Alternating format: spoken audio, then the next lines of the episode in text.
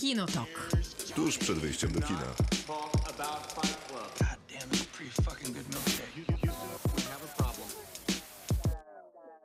Krzysztof Majewski?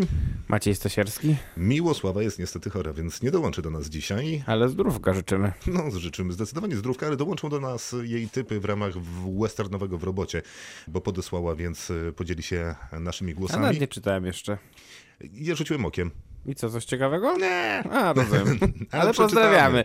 Pozdrawiamy i przeczytamy. Znaczy nie, no być może ciekawego, ale no, ja mam swoje typy, więc muszę ich bronić, No, rozumiem. atakując czasami też typy wasze.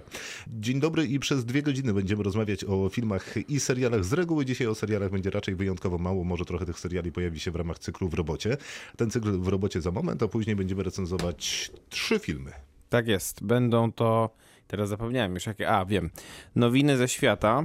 Najnowszy film z Tomem Hanksem, Tak jest. czyli nie trzeba go bardziej przedstawiać, myślę. Możemy dodać jeszcze, że to film Paula Greengrassa. Tak, i jest to western i dlatego właśnie zrobiliśmy w robocie westernowe też. No to reżyser bardzo utytułowany, aktor bardzo utytułowany. Panowie już razem e, pracowali chociażby przy Kapitanie Philipsie. Tak, jedna z najlepszych ról Toma Hanksa ostatnich lat i tutaj widać, że współpraca kwitnie. I to jest jeden film, e, którym się zajmiemy. Będziemy się też e, zajmować filmem chińskim, który był chi- chińskim przebojem e, I to nie tylko chińskim, bo był światowym przebojem, bo w zasadzie nic nie było dla niego konkurencją, biorąc, te, e, biorąc pod uwagę to, że no, kina przez większość czasu w innych krajach, e, czy też w danym momencie były zamknięte, więc Chińczycy wtedy zdobywali przewagę. I tutaj uwaga, bo tytuł jest bardzo długi. To jest Ying Yang, Master? Dragon of Eternity. Nie, y, coś innego Eternity. Zaraz ci powiem. A przepraszam, bo to nie jest Dragon, tylko Dream of Eternity. Dream of Eternity, tak. A będziemy rozmawiać jeszcze o filmie Red Dot. A to ma być czerwony punkt y, karabinu snajperskiego, bo z takim śledzeni są ci główni bohaterowie. Bohaterowie, którzy pojechali zobaczyć do Zorzę Polarną. Czyli szwedzkie kino. Miało być miło, mieli sobie posiedzieć pod I co? namiotem, pod zorą polarną, a tam czerwona kropka na klatce piersiowej. No i wszystko to na Netflixie. Szukaliśmy naprawdę czegoś innego, żeby nie było takiego monopolisty w dzisiejszym programie, ale akurat ten weekend nie owocował specjalnie, jeżeli chodzi o premiery VOD. Było trochę tych premier w kinach, o nich y, tak jakoś naokoło trochę będziemy rozmawiać i będziemy Tak jest. otwarcie kinne wspominać. To serdecznie zapraszamy. Kinotok. Film.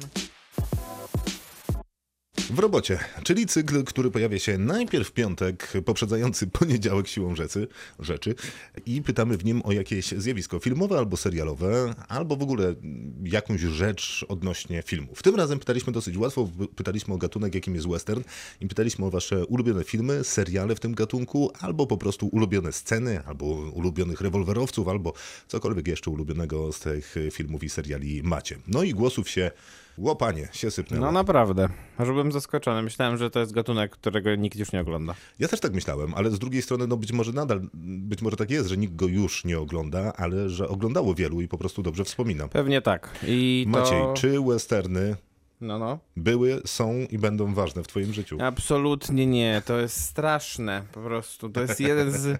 Ja się wychowałem chyba oglądając musicale prędzej niż westerny. Ja To straszne. Gdzie ty się wychowałeś, bo No. ja nie wiem, gdzie leciały I- musicale, w sensie Chicago może leciało gdzieś, ale Nie no, to już nie byłem taki młody wtedy. no ja wiem. Aha, no może nie. Chicago to już jest tak licealny wie, czas bardziej. No dla niektórych jest. Ale ojciec mi puszczał skrzypka na dachu. Pozdrawiam mojego ojca oczywiście. Nie, wi wiadomo, to jest, to jest tak samo stały punkt programu jak w robocie. Dokładnie. Więc niestety, no westerny to raczej nie. No w telewizji oczywiście jakieś tam leciały, ale problem jest taki, że wszystkie były z Johnem Wayne'em albo z Clintem Eastwoodem, ewentualnie z Jamesem Stewartem albo Garym Cooperem. A byłeś na koncercie Ennio Morricone we Wrocławiu? No byłem. No to a A wszystkie były z Clintem Eastwoodem przecież. To prawda.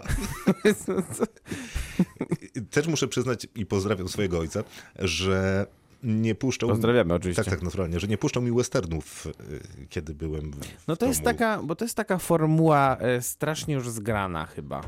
W sensie tam zawsze byli jacyś tacy twardziele, którzy mieli taką, u których trzeba było szukać jakichś takich ludzkich cech I w niektórych tych lepszych, tych, tych, tych ludzkich cech, takich honoru, na przykład jak było, nie wiem, Gary Cooper w, w Samo Południe, to było, to, to, to były te lepsze, hor- to, te lepsze westerny, a, ale setki były takie, gdzie John Wayne po prostu jeździł na koniu i ledwo się utrzymywał na tym koniu, bo był pijany, albo nie wiem, Albo ranny. albo, ranny, No albo na kacu i wypadku- ciężko W było. wypadku Johna Wayne'a były tylko dwie opcje, no albo na kacu, e, Dokładnie, znaczy, bo- albo pijany, albo No postrzelony. bo musieli go przecież nawet przywiązywać do tego konia ponoć. Takie są legendy hollywoodzkie o Johnie Wayne'ie. Ja jestem przekonany, że widziałem w jakimś westernie takiego rewolwerowca, który właśnie tak robił, żeby nie spać z konia. A no ale John Wayne tak robił grając, więc to, No i to- myślę, że to nie jest do końca... To, co, to jest metoda aktorska. A no o, oczywiście, bo to był aktor znany z metody. Dokładnie tak. Z westernami faktycznie jest dosyć skomplikowanie, no bo to też jest dosyć łatwa historia jednak, nie? Nie przez przypadek noszą te białe i czarne kapelusze, w sensie nie będziemy jakoś tam bardzo wnikać, no ale jest cała grupa horrorów, westernów. Jednak westernów tak, jednak westernów, e, w których no naprawdę ci dobrzy noszą białe kapelusze, a ci źli naprawdę łamią czarne, noszą czarne kapelusze. Jeżeli ktoś był takim wybitnym, e, łamiącym reguły filmowcem, że pozamieniał stroną kapelusze, no to trudno wpadać w zachwyt. No na przykład Jul Brynner nosił czarny kapelusz w, w Siedmiu Wspaniałych i on był teoretycznie dobrym, dobrym tym Siedmiu Wspaniałym. No Siedmiu Wspaniałym. Siedmiu wspaniałych to akurat był dobry film. Ale jeszcze zawsze byli gdzieś, gdzieś zawsze byli Indianie, czy gdzieś zawsze byli jacyś przemytnicy, jacyś e, w saluny, takie rzeczy. Wszystko się tam zawsze, to wszystko było tak w takiej bardzo skostniałej jednak, w bardzo skostniałym schemacie. No i dlatego chyba te westerny jakoś do mnie nie trafiały nigdy. Może Ale tak, trafiały do naszych widzów, czytelników i słuchaczy. Tak jest. Jakub pisze tak. Straż przyboczna. Nie zapraszam do dyskusji, bo nie ma o czym. No dobrze, Okej, dzięki Jakubie. nie podejmę. Ja też nie podejmuję. Jakub, człowiek zwany ciszą, znaczy to inny Jakub, człowiek zwany ciszą, piękna, śnieżna sceneria, a przy tym chyba najbardziej nihilistyczny western w historii kina. Sprawdziłem, co to jest. A ty wiesz już, tak? No, zobaczyłem. y, Wygląda faktycznie interesująco. Jakubie, Mhm. dziękujemy za ten głos i wszyscy nasi pozostali słuchacze, bo też jesteśmy swoimi słuchaczami, będą mogli ten film sobie odświeżyć, czy też odśnieżyć, jak w tym wypadku. Dziękujemy. Karolina, wiele moich ulubionych już się pojawiło w innych komentarzach, ale nie widzę tu wzmianki o filmie Butch Cassidy i Sundance Kid ze wspaniałym Polem No Newmanem to i muszę Robertem. Redfordem oraz jedną z moich ulubionych scen w historii kina, jazdą na rowerze przy piosence Raindrops Keep Falling on My Head. No to klasyka rzeczywiście. To prawda. To potem było parodiowane na przykład w Nagiej Broni. Mateusz, widzę, że już wszystkie klasyki zostały wymienione. Te komentarze są niechronologicznie, dlatego y, Państwo mogą mieć takie wrażenie, że wymieniono dwa, a wszystkie zostały I, to. I żaden klasyk. Tak. Tak. Dorzucę w takim razie trzy najlepsze moim zdaniem neo-westerny, czyli numer trzy Logan. I to jest y, film y, superbohaterski z Wolverinem, ale też bym zaliczył go jako western. Numer dwa to Hell or High Water i na szczycie... To na pewno western. Tak, to zdecydowanie western. I na szczycie podium arcydzieło braci Cohen. To nie jest kraj dla starych ludzi i to jest western i to znakomity. Jest. Dużo Bracia Coen generalnie są znani z tego, że chyba czują ten gatunek akurat. Ale Bo jak to bracia Cohen robią z nim coś zupełnie swojego. Tak, no w moich, o ile, o ile mi słuchacze nie wykreślili, to, to u mnie będzie, będzie trochę braci Coen. To zobaczymy, bo ja ci mogę wykreślić, bo mnie też jest taki pomysł. O nie. Silverado tańczący z wilkami, szybcy i martwi, Bolek i Lolek na dzikim zachodzie, mówi Beata. Bolek i Lolek na dzikim zachodzie. I to nie jest pojedynczy głos Ale też sprawie. koleżanka jedna mówiła szybcy i wściekli, ale to zawsze akurat To jest pada. koleżanka Magda, która mówi szybcy i wściekli. Wszystkie części, konie wprawdzie mechaniczne, ale dają radę i rewolwery też zacne. Zupełnie to jest najlepsze uzasadnienie, wydaje mi się. Tak, Magda y, ma to do siebie, że twardo trzyma się za szybkich, Tak. za wściekłych i mam Następny film dziwne wrażenie, że bardzo dobrze to uzasadnia i wszystko zawsze Tak. pasuje. Kuba za kilka dolarów więcej, idealny złoty środek w przynośni dosłownie dolarowej trylogii Sergio Leone. Bardziej rozbudowany i ciekawszy niż wcześniejsze za garść dolarów, a przy tym bardziej zwarty i kameralny od nieco zbyt rozbuchanego dobrego, złego i brzydkiego. No i ma przecudną, duże słowa widzę padają w tej duże, wypowiedzi. duże, y, ale też takie czuć tu kompetencje. Tak, tak, której ja nie mam. Ani ja. No i ma przecudną, nieśpieszną scenę odstrzeliwania sobie kapeluszy przez Eastwooda i Van Cliffa. Pojedynku raczej na ego niż rewolwery. Uwielbiam. No wspaniale, zazdroszczę. To tyle, tyle wiem o westernach Sergio Leone, że y, oglądałem dobry, zły i brzydki tylko z tych trzech. Ja widziałem jeszcze za kilka dolarów. Nie, przepraszam, widziałem jeszcze za garść dolarów. A, czyli widziałeś pierwszy i ostatni, tak? No bo to nie ja wybierałem, tylko programer telewizji A, no wybierał, tak, co no mi tak, tak pokaże. to działało kiedyś. Mhm. Magda właśnie za szybcy i wściekli, ale jest jeszcze Jan, który pisze tak. Pat Garrett i Billy Kid, Jeremy Johnson, Pojedynek w słońcu, Dajcie mi głowę Alfredo Garcia, Trzy pogrzeby, Django Unchained, Nienawistna ósemka, Dzika banda, Poszukiwacze, Zabójstwo Jesse'ego Jamesa przez tchórzliwego Roberta Forda. Dzięki Janek. To się nie zgadza. To, to, to, jest, to się nie powinno paść, bo to było na zdjęciu. Ale to nie ma takiego, to dla nas jest ta zasada, że jak Ach, jest na zdjęciu, okej. to nie, nie możemy. Myślałem, że ty myślałem, że to będzie twój film.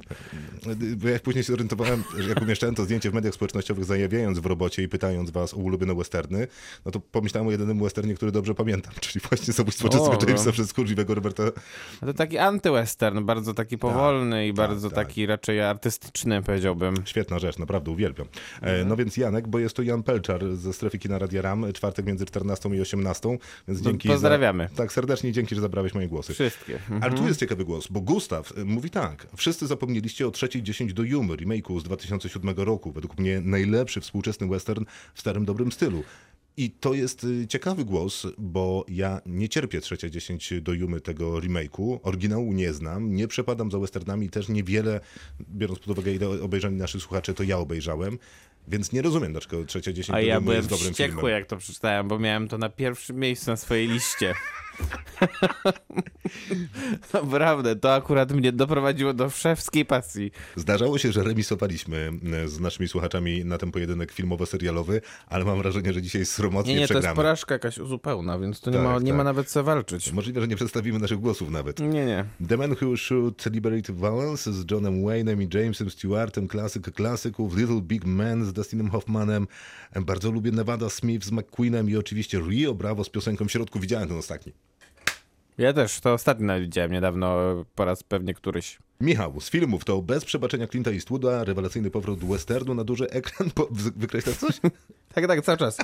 Po latach, Kres- Kresle, kresle. Mhm. po latach zapomnienia wielkie kino serialowo Deadwood, takiej galerii fantastycznych postaci zaświecą szukać w innych produkcjach, a ten klimat brudnego, dzikiego zachodu będziecie z siebie długo zmywać po seansie. Jeszcze ostatni głos to Paulina.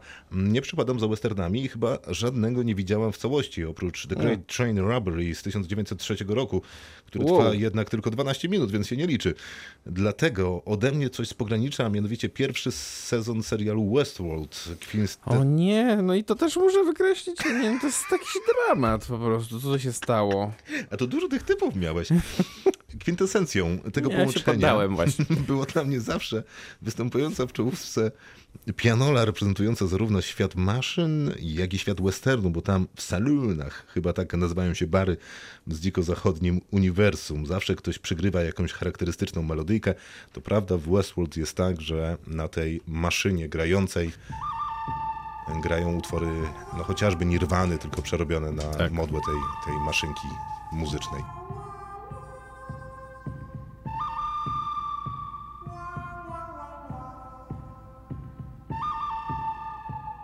Dobrze Maciej. To raz- może niech Miłka najpierw z- zacznij od Miłki Nie, ja zacznę od i słuchaczy wtedy jednak. się uspokoimy. Aha, jeszcze. Y, Tak, w sensie nie będę już kontynuował tego cierpiętnictwa. Pogratulujmy naszym naszego. słuchaczom, są wielcy. No właśnie, bo y, to jest trochę irytujące, bo raz jeszcze udowadniają, że zupełnie jesteśmy im zbędni, bo oni sobie Dokładnie. radzą sami z sobą bardzo dobrze. I to niedobrze, y, słuchajcie, bo nasze szefostwo to słyszy, później to ocenia, a później nas zwalnia, no więc no, to w ogóle nie ma sensu żadnego. Znaczy może zatrudnią was, no ale to mi się z kolei nie podoba. Rozumiem. Powinienem powiedzieć mnie, to wtedy może by mnie nie zwolnili. Dobra, zacznijmy od Miłki, to jest dobry pomysł. Miłka pisze tak. Kocham Truposza, Jima Jarmusza, którego sam reżyser nazwał westernem psychodelicznym. Dzięki wykorzystaniu wrażliwości kina niezależnego Jarmuszowi udało się wybronić poetycko-oniryczną polemikę z klasycznym językiem westernu. Niesamowite zdanie, nic nie rozumiem. To prawda, jest to ładne zdanie, recenzenckie zdanie, no ale generalnie chodzi o to, że jest poetycko, a jednocześnie klasyczny język westernu, że się strzelają. Dokładnie. Ale ja nie lubię Truposza. Ja nie znam. A nie widziałeś? Nie. No jak? Nominałeś film Jima Jarmusza? Ja filmy Jima Jarmusza przez wiele lat omijałem szerokim łukiem. O, to niedobrze. O tobie No, znaczy. A przykro mi. A to porozmawiamy A to jest do później. nadrobienia, to są krótkie filmy na szczęście. To nie jest kraj dla starych ludzi. No i niestety, Miłko, e, kiedy nie to możesz tego pisałaś, przeczytać, bo już padło. ale e, do uzasadnienia masz prawo, ale tego głosu ci nie zaliczamy. Z typową dla braci Cohen narracją piętrzących się złych decyzji w świecie okrutnych ludzi jest idealnym scenariuszem dla neo-westernu czy new westernu, który podobnie jak filmy umiejscowione na Dzikim Zachodzie opowiada o świecie przepełnionym przemocą i jasnych podziałach na dobro i zło. Wspaniałe aktorskie kreacje i festiwal brutalności wydają się być kwintesencją dobrego westernu. No i jeszcze jeden głos i to będzie The Rover, czyli Włóczęga. Opowiada o postapokaliptycznej ojczyźnie, łącząc gatunki, film katastroficzny, współczesny western, kino zemsty i przełamuje to wszystko Robertem Pattinsonem. Wtedy jeszcze wciąż kojarzonym jedynie ze zmierzchem, a już raczącym nas swoim szelmowskim uśmiechem i świetną grą aktorską. Ta fatalistyczna opowieść o wyjałowionym świecie przemocy idealnie wpisuje się w westernowy morał. No i brawo. Mam wrażenie, że trochę ogląda tych westernów. Jednak więcej niż my znowu. No, czuję ducha. No masakra generalnie, będzie kompromitacja teraz. To może ja coś powiem. O, świetnie! Więc ja powiem tak. Po pierwsze, to Dawaj, musiałem dawaj. wykreślić bardzo dużo. Mhm. Jestem zły na panią, która powiedziała o dwóch pierwszych scenach Westworldu, bo generalnie uważam, że to jest jeden z lepszych westernów To ostatnich Paulina. lat. Bardzo dobrze. Y, Natomiast y, ja bym wrócił bardzo daleko, a właściwie do lat 90. i oglądania przeze mnie telewizji do śniadania niedzielnego. Było taki serial, który się nazywał Zorro i e, był puszczany na jednym z, jednym z kanałów telewizji polskiej. Był, grał tam aktor Guy Williams i on grał właśnie Zorro. Ta czołówka i ten e, sierżant Garcia nigdy nie, nie, nie jest możliwy dla mnie do zapomnienia. Aha. Jest to absolutna klasyczna, klasyka według mnie i naprawdę zabawna i jednocześnie ekscytująca rzecz. I oczywiście zupe- zupełnie się, zupełnie się niedobrze, nie, na pewno się źle zestarzała i pewnie teraz bym tego nienawidził, ale nie będę sobie przypominał, dlatego właśnie się takich rzeczy nie ogląda powtórnie. Tak jak wspominałem, em, Miłka wspomniała o To nie jest kraj dla starych ludzi, a ja bym wziął jednak dwa bardziej klasyczne westerny braci Coen. O nie, niedobrze, czyli będzie prawdziwe męstwo. Będzie prawdziwe męstwo. A co, już też miałeś przygotowane? To ci oddam prawdziwe męstwo. nie, weź sobie, weź sobie. Ja sobie poradzę bez prawdziwego męstwa. E, prawdziwe męstwo to jest e, oczywiście reinterpretacja filmu, który przyniósł Oscara za najlepszą rolę pierwszoplanową Johnowi Wayne'owi, jedyną, jedynego Oscara, którego mu przyniósł, przyniosła Akademia Filmowa. A tutaj tę postać Roostera Cockburna gra niejaki Jeff Bridges i jest to wspaniała rola. Pierwsza też, pierwsza też rola aktorki Hayley Steinfeld, która pokazała się u braci Coen naprawdę w znakomitej, znakomitej strony. Świetna jest ta energia pomiędzy tymi bohaterami. I trochę e, ten, sery, ten film mi pokazuje, przypominał właśnie e, nowiny ze świata, bo tutaj rzeczywiście mamy też e, relacje pomiędzy podstarzałym jednak już kowbojem, którego gra Jeff Bridges, a młodą dziewczyną tutaj z kolei podstarzałym tym kowbojem można nazwać tego weterana wojny secesyjnej, którego gra Tom Hanks. Drugi, seria, drugi film Braci Coen to jest oczywiście ballada o Busterze Scroogsie. A, może podzieliby się nowelkami, co? Ja, ja, ja pamiętam w sumie tylko pierwszą i ostatnią, powiem szczerze, bo ten film oglądałem kawałek czasu temu Ja niestety. też, ale tam jest jeszcze jedna w środku, która opowiada o przejeździe karawany i ona jest niezła. Mhm. Jest jeszcze taka y, chyba najbardziej nieudana, to z kolei o tym mm, człowieku, który chyba jeździ z niepełnosprawnym y, chłopcem. Tak, ja pamiętam głównie tę pierwszą, gdzie jest ta piosenka na końcu, którą śpiewa No to to jest mm, tytułowa. e, Tim Blake Nelson. I to jest tytułowa Tak. nowelka i ona jest najlepsza. Tak, zdecydowanie najlepsza. Ostatnia z kolei to jest nowelka, gdzie, e, gdzie jest jakaś taka grupa ludzi, którzy jadą, jadą diligencem do jakiegoś miejsca oddalonego gdzieś daleko. I to tam też. Tam... No to, jest, to jest z kolei y, to, co ja nazywam karawaną.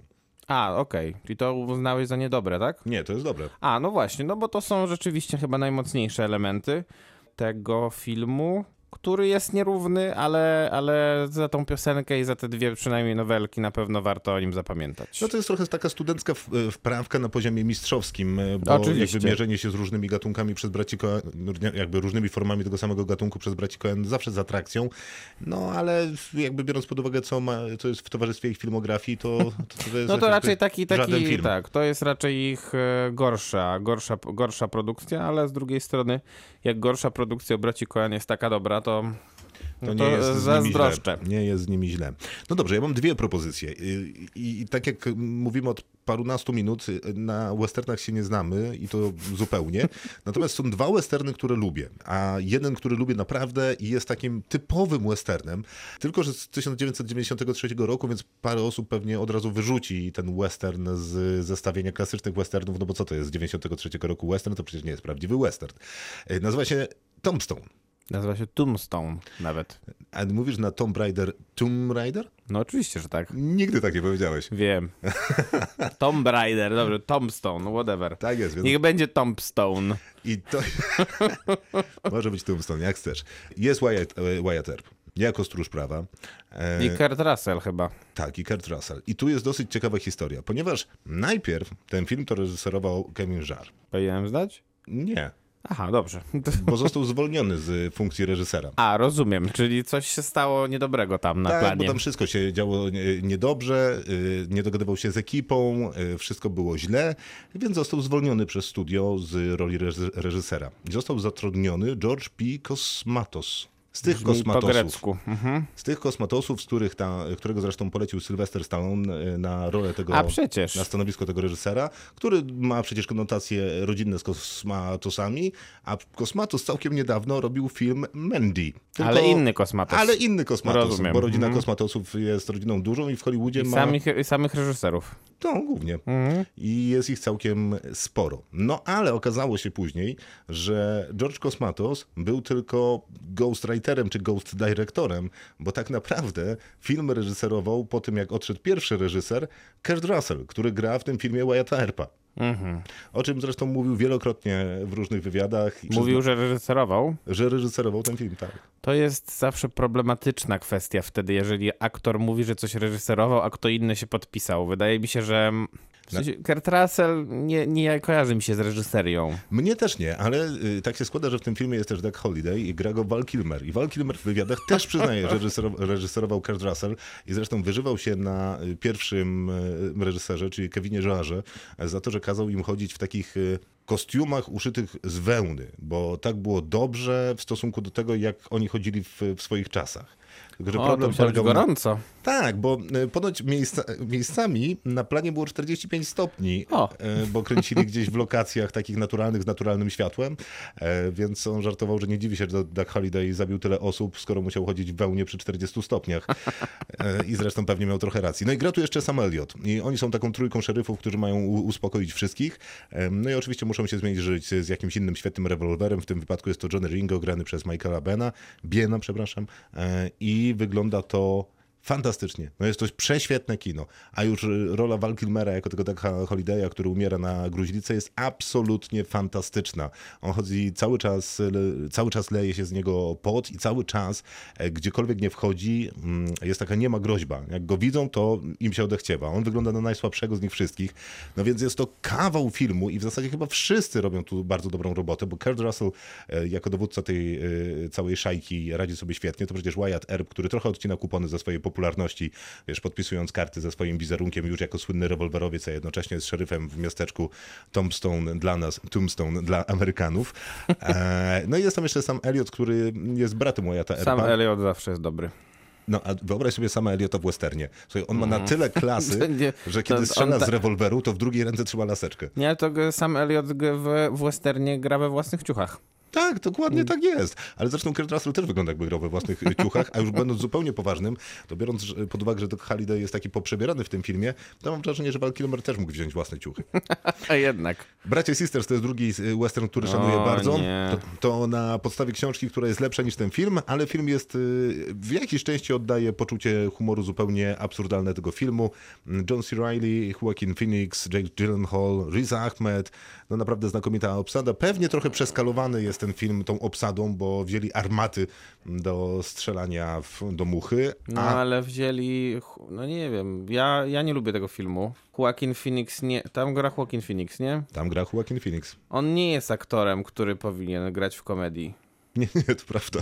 I to źle wychodzi, naprawdę źle. Ale jest tam John C. Reilly, który go zdecydowanie ratuje. Zresztą jak- jakby rozumiem tę koncepcję, bo John C. Reilly miał być tym Ellie Sisters, czyli jednym z braci, który jest no właśnie taki, nieco bardziej jowialny, nieco bardziej sympatyczny i zabawny, a Charlie Sisters był raczej takim e, może nie introwertycznym, co takim no Takim może, jak Joaquin Phoenix. takim jak Joaquin Phoenix. No dalej nie lubię tego filmu. Ale jest to western, więc Jest to e, mam western. zaliczone i mam nadzieję, że ktoś nie widział i będzie mógł obejrzeć. A teraz A Fistful of Dollars. I kończymy temat westernów raz na zawsze. Na szczęście. Nigdy więcej w tym programie nie powiem słowa o westernach.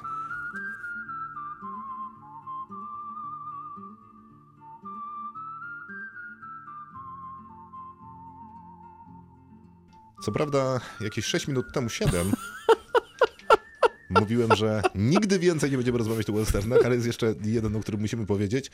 I'm, I'm really enjoying this. Jeszcze są zaległe słuchacze, od, e, zaległe głosy od słuchaczy. Przypominają świetny, świetny serial i książkę na, na południe od Brazos. To jest książka, A, jest coś takiego. długo stała u mnie w domu, a jako, że pisze to mój brat, to stała też w jego domu. O proszę, I pozdrawiamy. I western Yellowstone w klimacie XXI wieku, taki western. To brzmi jakaś historia o misiu jogi. A nie, to jest y, taki latyfundysta gdzieś ze Stanów Zjednoczonych. To, straszna, to była straszna wypowiedź, naprawdę, więc zostawmy to. Zupełnie niepotrzebna. Jak ci się podobało y, nowiny ze świata? Podobały mi się bardzo nawet momentami. No właśnie mnie też. Y, I dwa słowa wstępu. To film Paula Gringlesa z Tomem Hanksem opowiada o westernowym y, czasie tuż po wojnie domowej w Stanach Zjednoczonych. Świat y, Secesyjnej nawet nazwijmy ją. Możemy taką nazwać nazwą, jaką się historyczną-. Mhm. Historyczną nazwą secesyjną. Południe i północ nadal podzielone. My jesteśmy akurat na południu w tym filmie z Tomem Hanksem, który zajmuje się jako były kapitan wojsk, kapitan Południa. Jefferson Kyle Kidd, zajmuje się jeżdżeniem od miasta do miasta i czytaniem nowin z gazet. Tylko, że to jego czytanie z nowin z gazet wygląda tak trochę jak prezenterka telewizyjna, że no niby je czyta, ale jednocześnie to jest taki trochę performance, jednocześnie to jest trochę taki stand-up, jednocześnie no jest to informowanie, bo jednak Ale to podaje... też trochę jest takie kazanie jakby, yy, takiego kaznodziei, wydaje mi się. Nie, bo on tak na, na ambonie staje i zaczyna czytać i rzeczywiście w zależności od tego, w jaki sposób będzie intonował i w jaki sposób będzie wybierał te informacje, które będzie przekazywał, no to różna reakcja go czeka, bo jak jest w Teksasie i opowiada o tym, że prezydent Ulysses Grant, czyli jeden z, z, z generałów z kolei północy, który został wybrany prezydentem Stanów Zjednoczonych wtedy, e, mówi o tym, że Teksas musi przyjąć tam 13, 14, 15 poprawkę do konstytucji, no to nie będzie, no to nie spotka go dobra reakcja. No tak, no ale widać, że z jednej strony jest ten wybór wiadomości dobierany do publiczności, co zresztą jest częstym tematem w Stanach Zjednoczonych, że na przykład ta sama gazeta, zależnie gdzie została, była wydawana, to miała Jasne. różną czołówkę, ale z drugiej strony Tom Hanks też ma y, pewną misję i on wybiera te wiadomości w taki sposób, y, w który, jak chyba każe nam myśleć film, no miałby jednoczyć te rozdarte Stany ze sobą, no i pokazuje tym z południa, że ci z północy no też umierają, też cierpią głód, niesprawiedliwość i znój codziennego życia. Ale nie o tym też do końca jest film, bo o tym na pewno, ale jest też o drugiej postaci, bo do Toma Hanksa w pewnym momencie dołącza dziewczynka, która nazywa się, aktorka nazywa się Helena Zengel, a gra tutaj Johannę, czy później poznamy ją pod innym imieniem, e, ale on ją znajduje po prostu gdzieś tam na szlaku, bo bez wątpienia jest to też film drogi. I przygarnia. Trochę niechętnie ją przygarnia, bo najpierw dowiaduje się, że ona została wychowana, mimo że Niemka została wychowana przez Indian. Indian. No a później się dowiadujemy, że ona straciła no siłą rzeczy dwa razy rodziców. Raz w wyniku wojny secesyjnej, raz w wyniku y, no, też wojny secesyjnej, y, no bo w efekcie zginęli jej nowi przybrani rodzice, czyli właśnie Indianie. No i ostatecznie kolejnym rodzicem zostaje Tom Hanks, ale wyrusza z nią, w nią, z nią w taką długą drogę, e, aby dotrzeć do ostatnich żyjących znanych potomków, czyli do siostry jej matki. Tak, to jest jakaś taka ciekawa w ogóle enklawa niemieckiej społeczności, która E, Tam jest w tym jednym miejscu, oni tam pracują na roli i średnio mówią po angielsku w ogóle i... Tak, to i jakiś taki czas szalonego amerykańskiego Tak. osadnictwa, że można było w zasadzie dostać ziemię bez ten, tylko trzeba było ją uprawiać. E, No i ponoć też całkiem sporo Niemców wtedy e, przyjechało, Mhm. żeby skorzystać z takiej darmowej ziemi. No więc e, tak mniej więcej układa nam się ta historia i też mi się podobało. Ten świat jest taki bardzo westernowski, czyli no jest e, wypalona ziemia od słońca, niewiele tam jest, a wszystkich ludzi, których Tom Hanks razem z Johaną będzie spotykał na swojej drodze, no to co są ludzie, którzy albo są źli z jakichś powodów, których nie znamy, albo są źli dlatego, że cierpieli biedę, albo dlatego, że generalnie jest biednie, albo dlatego, że wojna secesyjna zniszczyła im życie, albo dlatego, że tamten świat niby już dosyć zaawansowany na tyle, żeby można było mieć strzelbę, która strzela, to jednak jest ubogi technologicznie nie, nie dla wszystkich starcza jakby dobra tego świata. Generalnie prezentuje nam jakiś taki ciężki znój życia. I ten świat, no jakby trudno odkleić od dzisiejszego świata, który jest gdzieś na granicy kryzysu klimatycznego, w którym targają różnego rodzaju zatargi polityczno-społeczne, ekonomiczne, no i ekologiczne również. No i to jest dosyć zabawne, ale w tym filmie Paula Greengrassa mam wrażenie, że jest taka teza, która w zasadzie jak ją przełożymy na współczesny świat, to też e, dobrze działa, że Tom Hanks jest e, ostatnim sprawiedliwym tego świata. No Tom Hanks jest rzeczywiście kryształowym aktorem Hollywood i trochę tak dobiera sobie rolę, ale wydaje mi się, że akurat u Paula Greengrassa zdarza mu się grać lepiej niż ostatnimi czasy mu się zdarzało, bo nawet te role u, przecież u swojego ukochanego reżysera Stevena Spielberga ostatnio trochę odcinał od nich kupony. Y, A tak jak powiedziałem wcześniej, Kapitan Phillips to jest jedna z najlepszych jego ról ostatnich lat. I tutaj mamy kolejną jego znakomitą rolę. W filmie też Paula Greengrassa. Oni chyba się bardzo dobrze rozumieją, bo Paul Greengrass potrafi mu dawać jakieś takie rzeczywiście ciekawe rzeczy do grania i Tom Hanks jeszcze, w stanie, jeszcze jest w stanie się zaangażować w to, bo dużo bardzo zależy od angażu tego aktora. Jeżeli on ma grać znowu to samo za każdym razem na jakimś takim totalnym autopilocie, to nie będzie mu się chciało. A tutaj nie gra do końca tego, bo po pierwsze chyba pierwszy raz w swojej karierze występuje właśnie w westernie. A po drugie, mm, świetnie jest dobrany z tą Heleną Cengel, która y, między nimi jest tak dużo bardzo takiej pozytywnej, dobrej energii. Ta Helena Cengel jest w ogóle bardzo dobra, e, ale do niej wrócimy jeszcze. Zobacz, to niemiecka aktorka, o której dwa słowa warto powiedzieć, ale e, to jest film Toma Hanksa trochę. Jest. W tym sensie nie dlatego, że jest go więcej na ekranie, ale dlatego, że to jest taki bardzo Tom Hanksowy film, czyli e, gra no jakby człowieka bez skazy, czyli, Tak. czyli takiego jak zwykł grać i być może dlatego rozszerzamy e, tę jego rolę na jego prawdziwe aktorskie życie. No ale jak bardzo dobry on jest w takich rolach, to pokazał nie, nie raz, nie dwa i nie dziesięć. To prawda, natomiast to nie jest to też nic y, nowego dla niego. Dlatego, kiedy rozmawialiśmy jakiś czas temu o y, nie pamiętam czym w ramach w robocie, to wspominałem drobnych cwaniaczków y, jako jedną z ciekawszych ról Toma Hanksa, dlatego że tam zagrał coś zupełnie innego niż jego codzienność. A z kolei ten film kojarzył mi się, być może dlatego, że też ociera się o jakąś tam formę dziennikarstwa, to przypomniała mi się Czwarta Władza. Film jak, jakby absolutnie beznadziejny, który Tom Hanks zagrał na autopilocie. Tak, tam, tak, tak było, wszystko się zgadza. Był, y, być może nawet nie wiedział, że jest na planie, bo y, myślał o tym, co będzie robił potem, jak zejdzie z planu. Y, I porównuję te filmy tylko i wyłącznie dlatego, że dotykają w jakiś sposób dziennikarstwa. Tamten film jest beznadziejny. Tom Hanks nie ma tam, być może ma nawet tam coś do roboty, ale gra, bo a jest tam przed tą kamerą Nie, ale on widzenia. tam gra beznadziejnie też. Natomiast przychodzi takie News of the World, nowiny ze świata, film w ogóle ciepły, z dobrym morałem, z dobrym przejazdem przez tę Amerykę. Jest taka klasyczna historia y, drogi i, i- i to nie jest trudny i skomplikowany i wymagający film. Ta historia nie jest jakaś niewiarygodnie skomplikowana, Nie, oni ale po prostu jadą. i wszystko się tam zgadza. Jadą, spotykają, tak jak powiedziałeś, dużo złych ludzi, e, ale w każdym z tych, praktycznie we wszystkich momentach, kiedy spotykają tych złych ludzi, spotykają też takich ludzi, którzy e, odnajdują w sobie to człowieczeństwo i jednak e, za każdym razem ktoś im pomoże. I wydaje mi się, że to jest też bardzo dobry, bardzo dobry aspekt tego filmu. No to jest taki, to jest taki feel good movie, zrobiony jednak za dużo większe pieniądze niż byśmy się, byśmy się spodziewali po tego typu produkcji, przez bardzo kompetentnego reżysera, który potrafi świetnie opowiadać i operatora, Dariusz Wolski tutaj stojący za kamerą robi robotę naprawdę wyśmienitą. To jest e, Zwłaszcza, bardzo że- stylizowane zdjęcia. Zwłaszcza, że kręci taki nudny amerykański step. No w sensie z Tak. punktu widzenia operatorki filmowej. To no, tutaj nie ma co nic, robić, Tam jest nie? krzak, krzak i siedzą na tym wozie i jakby wszystko.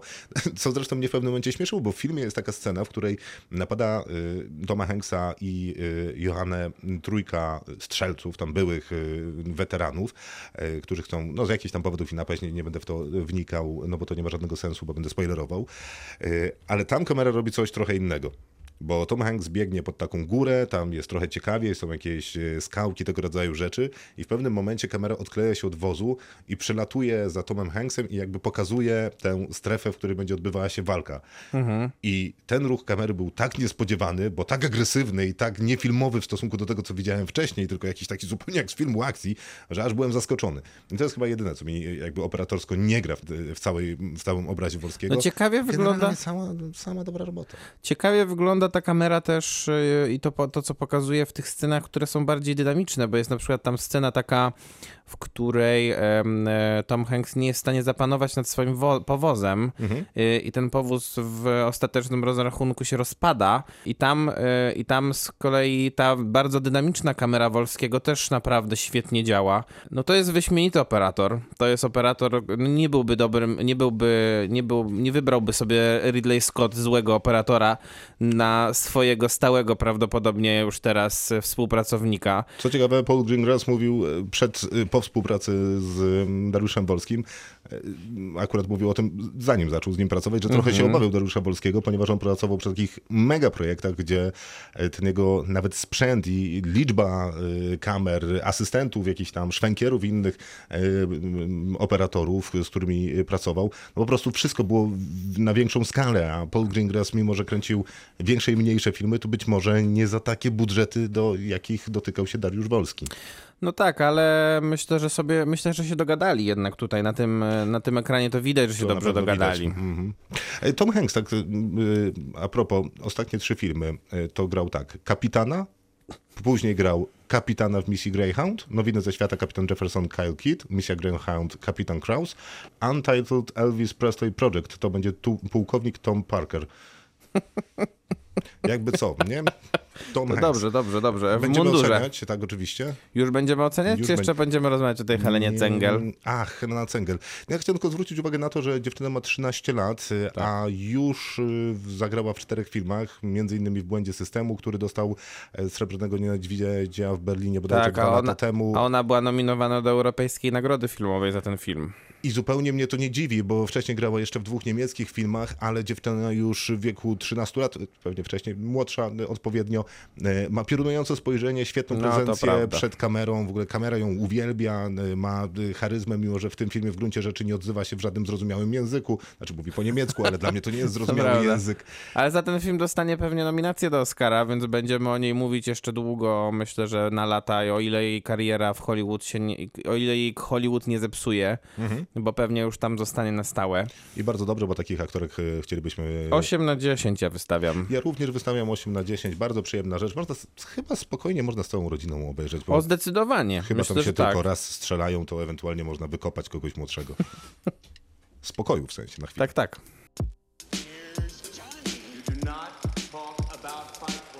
Kinotok. Film. Kolejna recenzja dzisiejszego wieczoru to The Ying Yang Master Dream of Eternity, albo jak powinienem powiedzieć lepiej, The Ying Yang Master Dream of Eternity, Nie powiedziałeś tego samego dwa razy? z innym akcentem. A, przepraszam, to rozumiem. To y, trafia do mnie bardziej to drugie oczywiście. I słusznie, bo jest z podtytułem, bo tytułem jest The Ying Yang Master, a podtytułem jest Dream of Eternity.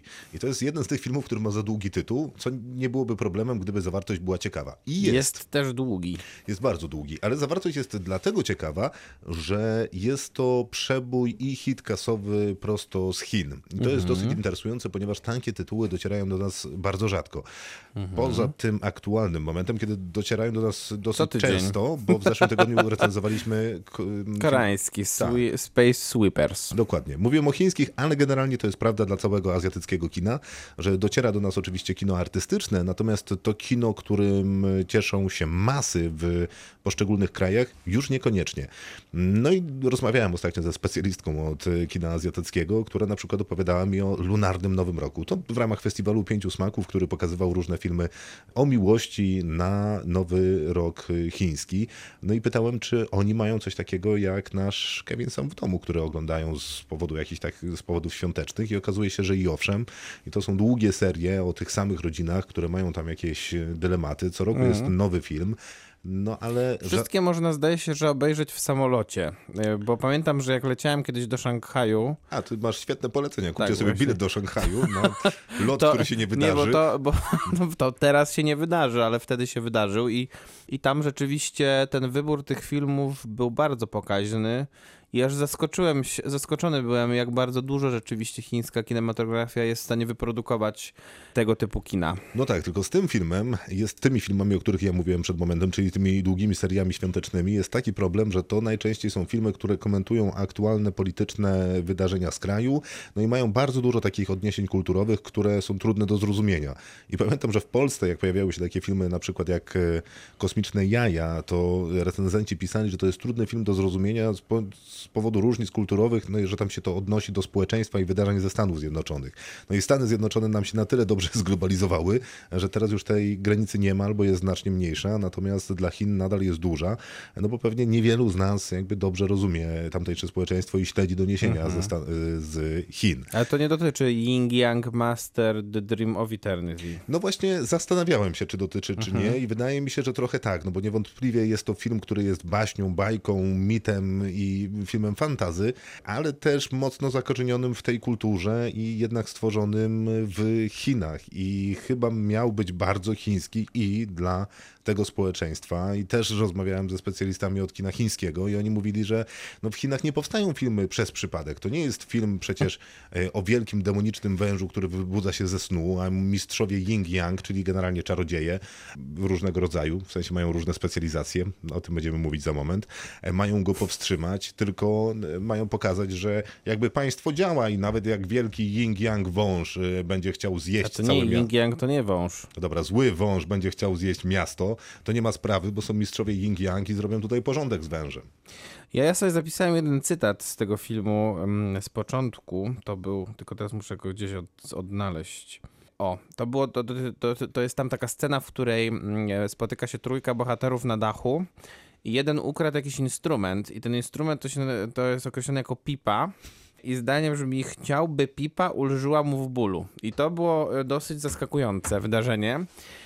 Ale ja niestety nie jestem w stanie, ja nie jestem w stanie niestety opowiedzieć jaka jest fabuła tego filmu, gdyż jej, e, powiem szczerze, nie zrozumiałem.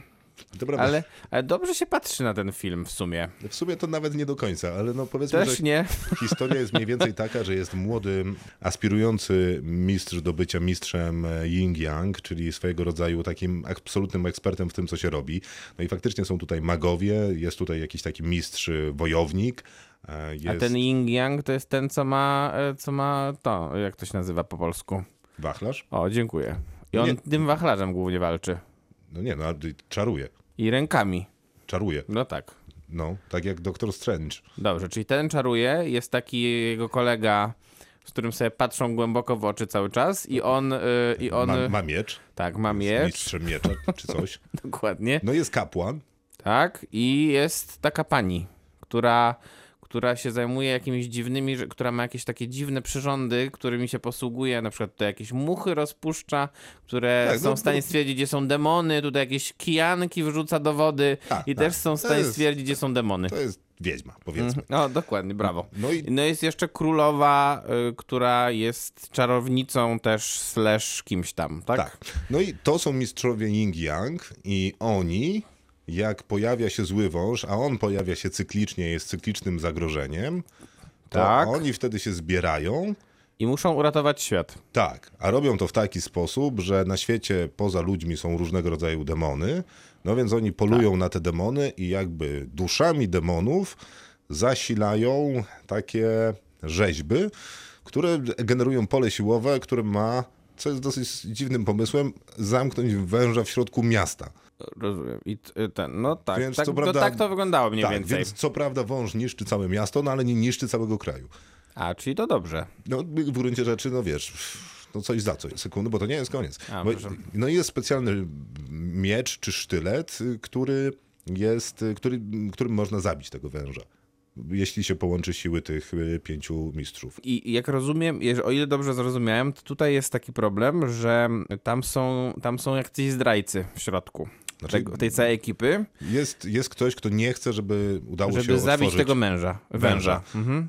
I nie, na razie chce powstrzymać właśnie mistrzów Yin Yang, żeby nie stworzyć tej takiej Tak. wielkiej y, przesłony tarczy nad miastem i uwięzić węża, no więc i siłą rzeczy powstrzymać przed jego zabiciem. Dokładnie tak jest. A ten główny nasz bohater, czyli ten mistrz teleportacji, którego poznajemy jeszcze wcześniej, kiedy on się uczy u, swojego mistrza, który ginie. tak, zresztą przez niego, no to on jest tym naszym głównym bohaterem, on trochę wątpi w te zasady chińskie i jakby szuka też trochę własnej drogi, co jest dosyć ciekawe. No i szybko staje się tym mistrzem, bo to tak z automatu zostaje tym mistrzem, jak ten jego mistrz ginie. Tu jest dużo takich problemów To jest troszkę, ja tego, troszkę montażowych. ja tego nie zrozumiałem. Faktycznie du- dużo problemów montażowych, że jakby dzieje się Szybko, a potem a jednocześnie jest- bardzo wolno. i nagle jest cięcie i jesteśmy w zupełnie innej sytuacji i jakby te sceny trochę z siebie nie wynikają i można się dosyć łatwo zgubić, co jest Czy nie pewnie ukrywam, dużym, że- dużym minusem. Y- Za moment y, Aha. wrócimy do tego filmu i jeszcze trochę o nim porozmawiamy już w szczegółach, bo on mi przypomina wiele rzeczy i sprawia mi sporo przyjemności na, na paru poziomach, ale na paru Nie, jest... na paru nie, nie sprawia ci przyjemności. Na paru jest wyjątkowo bardzo, bardzo, bardzo niezrozumiały. I mimo tych wszystkich wątpliwości, które tutaj już e, pewnie pokrótce przedstawiliśmy, to ten film ma pewne plusy, bo w tej swojej baśniowej narracji i plastyce wizualnej, to on ma w sobie coś, wiesz, z takich, z tego wyobrażenia y, być może zachodniego, chińskiego świata czy w ogóle Azji jako takiej. W sensie są tam takie nuty jakiegoś ukrytego smoka, przyczajonego tygrysa. No na pewno się go lepiej oglądało niż na przykład e, Mulan e, e, zeszłoroczne, który, z którym problemy były takie, że to była jednak wizja amerykańsko-europejska tego, co tam powinno być pokazane. Tutaj jednak Chińczycy opowiadają o sobie. Oczywiście, znaczy jakby teraz nie chcę wyjść na jakiegoś rasistę, ale mam wrażenie, że pewnie jednak Ale. To, ale to ma pewnie Ale. jakieś, jakieś em, konotacje i inspirowane jest jakoś, nie wiem, jakąś mitologią, czy, czy jakimiś, em, czy jakimiś, nie wiem, em, baśniami chińskimi właśnie. Tak, z całą pewnością, tylko że jakby trudno się do nich doczytać, bo Oczywiście. na pewno nie są to baśnie jakby pierwsze z brzegu, tylko jakieś konkretnie wybrane i to nie jest wcale takie oczywiste, nawet jeżeli spędzi się dobry kawałek czasu y, w internecie, bo faktycznie jest ta historia o wielkim wężu, który będzie powracał i to się łączy, wiesz, z tymi ym, latami kolejnych zwierząt, ale y, no to jest, to nie jest kultura, która spopularyzowała się na tyle, żeby nawet łatwo było to znaleźć w internecie. No, rozumiem. Więc być może dla Chińczyków to jest y, dosyć oczywiste, albo dla większości Pewnie tak. jest na, na takim poziomie, że dałoby się to skojarzyć. Ale też nie jest to takie znowu y, dalekie, no bo wiesz, yin yang wiemy wszyscy czym jest, e, a całe to czarowanie w tym, y, y, w tym filmie jest przedstawione w gruncie rzeczy do, dosyć ładnie. Ma to jakiś wizualny pomysł, a przede wszystkim ma straszliwy rozmach. No, żaden, poza tym wężem. Żaden Hollywood by się chyba nie odważył na stawianie, wiesz, na tego rodzaju efekty specjalne, bo mam wrażenie, że są efekty specjalne w skali filmu animowanego. No tak, to jest właśnie tak zrobione. Natomiast wydaje mi się, że jednak te sceny, gdzie mamy scenografię, to rzeczywiście ta scenografia stoi. Tak czy nie? Nie, nie wiem, ale jestem przekonany, że stoi. Wygląda jakby stała i rzeczywiście to robi duże wrażenie. E, Tylko, że ja po prostu nie zrozumiałem. I to dlatego pewnie. Ja mam, ja mam, ja mam straszliwy problem z takimi filmami, bo one, bo ten film jest długi, to trzeba powiedzieć. On trwa prawie 2,5 godziny. E, Ze względu na to, co, o czym mówiłeś, czyli te kwestie związane mm, na przykład z kiepskim montażem. No chyba, że taki był zaplanowany ten montaż, to tym bardziej poświadczy o tym, że jest kiepski. Czy mm, z tymi spowolnieniami kolejnymi, czy z bardzo, bardzo patetycznymi rozmowami, które niektórzy ci bohaterowie prowadzą ze sobą i które absolutnie do niczego nie prowadzą z kolei fabularnie, no to mamy problem taki, że z drugiej strony te sceny, te sceny batalistyczno-dynamiczne można byłoby powiedzieć, że są raczej na plus tego filmu. Raczej na plus, ale też mają taką e, specyfikę faktycznie tego anime bardziej niż Tak. e, takiego filmu, który... No to nie prób- są efekty specjalne z Marvela, tylko Nie, to są to- jednak efekty specjalne zrobione i widać, że to są efekty specjalne zrobione właśnie spe... animowane, tak? Mhm. E, No w sensie to nie, na pewno, czyli nie są to na pewno efekty specjalne, które próbują próbują udawać część Nie, realnego świata. na pewno nie. I da się do nich przekonać, bo faktycznie wyglądają nieźle, mają na siebie swój pomysł. Natomiast odnosząc się do tego, czy ten film jest zrozumiały, czy nie, no odpowiedź brzmi, że raczej nie. I wydaje mi się, że w jakimś stopniu nie tylko różnice kulturowe są tutaj winne, ale, ale winny jest faktycznie kiepski montaż. Tak. Zwłaszcza, że pewnie można było dołożyć do tego nie najlepszy scenariusz, bo w tym scenariuszu zwyczajnie, mimo że film momentami jest bardzo powolny, to dzieje się relatywnie niewiele. A jednocześnie nawkładane jest bardzo dużo elementów, bo przecież y, pierwsza Bo scena. niby cały czas coś się dzieje. Tak, bo pierwsza scena z filmu przecież jest też zabiegiem scenariuszowym, bo ona będzie nam się łączyć z ostatnią częścią filmu, Tak. który przez to będzie świetnym twistem i jakby gdyby nie to... przesadzałbym, ale no nie, no, no, słuchaj, gdyby to emocjonalnie dobrze wybrzmiało, to by było bardzo dobre. ale wybrzmi... tutaj To w w, ogóle tym- nie w wybrzmiewa. tym filmie wybrzmiewa tylko jedna relacja dobrze. Tych dwóch mężczyzn, którzy patrzą Którzy- sobie głęboko w oczy i brakowało naprawdę tylko i wyłącznie e, No mają się ku sobie, No dokładnie. I dlaczego, dlaczego nie poszedł scenarzysta o krok dalej i nie napisał jednak tego wątku do końca, tak jak powinno się było go napisać, bo ci no po prostu patrzyli sobie tak głęboko w oczy. Przez partię może? To trudno, to przykre. No, No i jak coś takiego ocenić? To jest najgorsze, bo nie wiadomo jak to coś takiego ocenić. no właśnie ja też nie, ale, no, ale mam jakieś swoje, to, to jest tylko wrażeniowa ocena, mam takie wrażenie. No to ja wystawiam pięć. No ja też pięć. Tylko kurczę, nie wiadomo za bardzo dlaczego. bo słuchaj, obejrzałem dwie i pół godziny bez, bez specjalnego Bez bólu. nudy? Nie, nie, nie, że Nie. bez nudy, ale bez bólu. Bez bólu. No rozumiem, to powinno być raczej trzy, ale jeżeli dwie i pół godziny bez bólu to jest pięć, to niskie mamy standardy. The Ying Yang Master, Dream of Eternity czeka na Netflixie. Kinotok. Film. No to teraz wybieramy się pod namiot. Do Szwecji. Pod namiot do Szwecji i oglądać Zorzę Polarną. E, Tak chce film Red Dot, czyli Czerwony Punkt, który nie jest interesującym filmem. Nie, jest filmem fatalnym. Jest filmem absurdalnie niedobrym. Naprawdę jest złym filmem. Wszystko jest w tym. pra- Ja nie wiem, czy coś jest dobrego w tym filmie, tak szczerze. Alain Darborg e, reżyseruje ten szwedzki thriller. Świetny reżyser, na pewno. Który pojawił się na Netflixie. No i mamy dwójkę głównych bohaterów, którzy są e, parą. Od niedawna są e, też ma... Od niedawna też są w ciąży. Od niedawna są też w ciąży i są zaręczeni od niedawna. Tak. I takich zresztą e, poznajemy, kiedy Dawid odbiera swój tytuł, swoją magisterkę, czy tytuł magistra e, i oświadcza się Nadi przez program telewizyjny, siedząc w toalecie uniwersyteckiej, I ona przyjmuje zaręczynę już w toalecie, jak przychodzi odebrać go z toalety. mówiąc w rozczulającej scenie, jak mogłeś oświadczyć mi się w najbrudniejszej toalecie w Szwecji. Niezwykle rozczulająca jest ta scena. Fatalna scena, która miała pewnie zbudować jakąś więź emocjonalną naszą z bohaterami. I co, nie zbudowała twoje Nie. między tobą a bohaterami? No widzisz, nie. No zaskakujące, No, a naprawdę. jed- A jednak. Jesteśmy już chwilę później, kiedy są we własnym e, mieszkaniu, ciasnym, ale własnym, no ale tam nie I ba... już trochę atmosfera taka siadła. Była, była taka, był taki romans i miał być tak pięknie, a jednak trzeba na przykład czasem gacie posprzątać, czy pójść, nie wiem, posprzątać generalnie mieszkanie. Pralkę naprawić. Wstać z łóżka i nie jest tak, to już, tak, to już nie jest tak różowo. Jest chyba tak na granicy zerwania, wydaje mi się. Tak to chyba wygląda przynajmniej z perspektywy Nadii, bo zdaje się, że zarzuca Dawidowi, że kiedy ona czekała na to, aż on skończy swoją y, uczelnię, to wszystko było dobrze, ale kiedy on teraz ma pomóc jej skończyć jej y, uczelnię, a chyba chce zostać lekarką, mm, no Dopiero zaczyna tak idzie. naprawdę chyba. No, czy, no, czy jest nam na jakimś No, etapie, no, no. na drugim Mhm. stopniu, czy tam trzecim, gdzieś tam jeszcze musi się uczyć. No więc Dawid postanawia, że żeby ten e, związek na nowo scementować, to zabierze Nadię na wycieczkę e, w góry do Doliny Niedźwiedzia bodajże. Tak, E, tak, Pod tak. namiot, żeby oglądać w nocy zorzę polarną. Piękny, romantyczny pomysł. Piękny. I, I wszystko chyba mogłoby się faktycznie po takim wyjeździe zgadzać. No i wsiadają w samochód, jadą, po drodze spotykają jakichś takich szwedzkich chłopaków, którzy polują. E, A, bo jeszcze biorą psa ze sobą, to jest istotne. Oczywiście. E, Więc spotykają jakichś dwóch facetów, którzy polują. On- Tam jest jakaś taka nieprzyjemna, napięta sytuacja, budowanie takiego napięcia z thrillera, że no otóż no, oni właśnie są jacyś podejrzeni. Nie dość, że mają karabin z tyłu. Najpierw oni są drzwi. podejrzani, a potem na przykład jest pani, która jest na recepcji w hotelu też podejrzana. No faktycznie, bo jest niemiła. Tak, i w ogóle się nie odzywa. I wszyscy myślą, a przynajmniej główni bohaterowie myślą, że to ma podłoże rasistowskie, bo bohaterka jest y, czarnoskóra. Tak. No zresztą Ale jakby wszyscy, ale i wychodzą z tego swojego hotelu, już mają jechać oglądać tą zorzę i się okazuje, że ktoś im porysował samochód.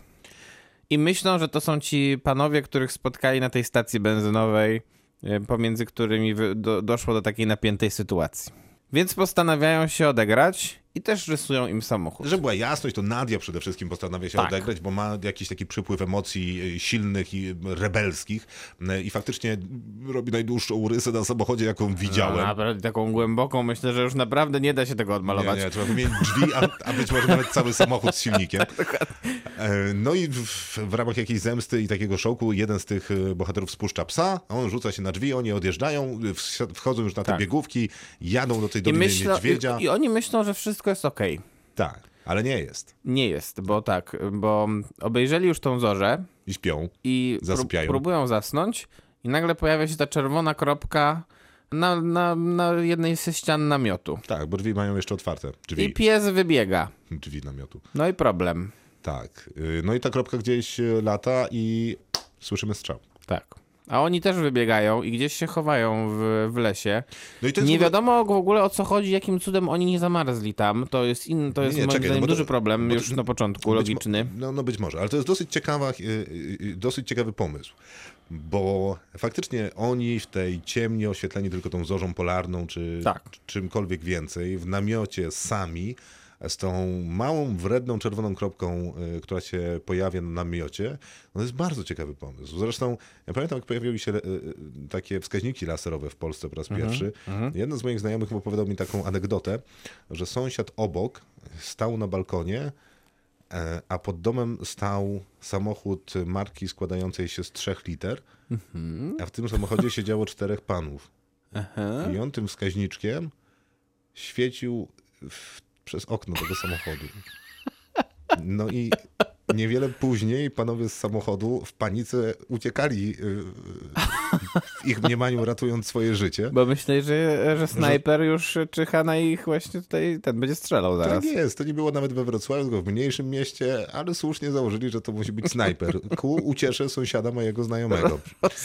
Zresztą zupełnie zrozumiałej. Oczywiście nie polecam, jest to niestosowne zachowanie, no Bardzo, ale... bardzo nieładne, po łapach. A tak jest, ale no taka jest sytuacja. Więc mam wrażenie, że reżyser filmu na miał mniej więcej podobną sytuację i stwierdził, że to jest całkiem ciekawy koncept. I to faktycznie jest ciekawy koncept, bo nie jestem y, pewny, co bym zrobił na przykład na spacerze w parku, kiedy na mojej klatce piersiowej pojawiłby się czerwony punkt. A biorąc pod uwagę, ile filmów w życiu obejrzałem, no to wiedziałbym, kto to jest. No, no snajper, no. Bradley, tak. Bra- Bradley Cooper, rozumiesz, przyjechał z filmu Sniper i Tylko, że co z tego, że to jest koncept ciekawy? Jak e, egzekucja tego pomysłu jest tak katastrofalna jak tu. To prawda, no bo jakby do tego punktu to nawet nie jest jeszcze tak źle. Pomyślałem, że po prostu będzie lepiej. Czy ten Chociaż tego będzie... napięcia tam nie ma za dużo. Nie ma, ale myślałem, że właśnie teraz się zaczyna i że to I będzie nabierało takie, tempo. ono jest takie bardziej dopowiadane, ym, nie wiem, poprzez dialogi, niż poprzez e, sprawną pracę reżysera, więc... e, Ale powiedzmy, że jeszcze tam się cokolwiek zgadza. No, tam się nawet całkiem nieźle zgadza, no a później pojawia się ten celownik, no i oni uciekają przed tym celownikiem. No i czy oni zamarzają, czy nie, nie wiem w jakich temperaturach się zamarza, no ale mają tam jakieś super polary i w ogóle wydają się ca- całkiem nieźle przygotowani na to e, nocowanie pod e, gołym No okej. niebem, a ostatecznie nocują tam w, jakiejś, w jakimś tam miejscu. No i okej, tam, tam, ta, ta, no i ten film trwa jeszcze godzinę. I Trwa faktycznie jeszcze pojawia się ten snajper, on gdzieś za nimi chodzi, oni przed nim uciekają, zostawia na nich wnyki, oni są coraz bardziej ranni, zapadają się pod lód, e, wpadają na gałęź, y, ranią sobie ręce, ranią sobie twarz, dostają jeden postrzał, drugi postrzał, krwawią jeszcze. Trafia, ale, ale w końcu jednak u- uda im się dotrzeć gdzieś tam i myślą, że są ratowani. Dobra, nie będziemy opowiadać tego filmu e, jakby do końca. No więc Twistów dużo. twistów dużo, dużo krwawią, dużo ich boli. Mi ten film w pewnym momencie zaczął się kojarzyć z Piłą. Bo w sensie miałem takie same, z z serią filmów Piła, zwłaszcza z pierwszą, bo miałem trochę takie same odczucia, że film, że jest zimno, że dzieje się mało, a ci ludzie po prostu krwawią. I ja nie oglądam dreszczowca, bo on nie buduje we mnie jakby napięcia, tylko buduje we mnie taki stosunek na zasadzie no dajcie im już spokój, no już naprawdę, no już wszystko w tym filmie z nimi zrobiliście, przeczołgaliście ich Ale żyją. z lewo w prawo, no i żyją, to już niech... Z... To już lepiej, żeby umarli chyba, tak naprawdę. No i oni też pewnie tam dochodzą do takich podobnych wniosków w tak. pewnym momencie. No i Nie, jest, no jest słabo. Jest, jest, twist, słabo. jest twist na końcu, który, który jest, jakby dobry twist działa wtedy, Aha. kiedy film daje szansę ci, jakby to jest jedna z twoich tez, że podejrzewasz, Nie, że a tak tutaj się skończy. rzeczywiście jest tak ten, tak po prostu A palcem jest- napisany. A Mhm. to jest taki twist, że równie dobrze mógłby przyjść wilkołak i ich zjeść. Albo przylecieć Tak. ktoś z Marsa i powiedzieć, widziałem was przez lunetę, teraz was zabiję, bo tak. No tak jest dokładnie. Y, Więc nie najlepszy twist. Na Nie celu- najlepszy twist, nie najlepszy film. Niestety mm, tego napięcia, którego nie udało się wytworzyć na samym początku filmu, mm, po drodze też nie udaje się do końca wytworzyć. E, Ten film w tobie wzbudzał chyba jakieś bardziej współczucie wobec głównych bohaterów, a we mnie wzbudzał po prostu narastającą irytację. Jeszcze nawet trochę do y, głównych aktorów wzbudzał we mnie litość. Rozumiem. Natomiast no. e, Nie ma za bardzo co się nad nimi. Znaczy, myślę, że jest się co pastwić nad tym filmem, bo mm, to jest jedna z głównych tego weekendu propozycji Netflixa.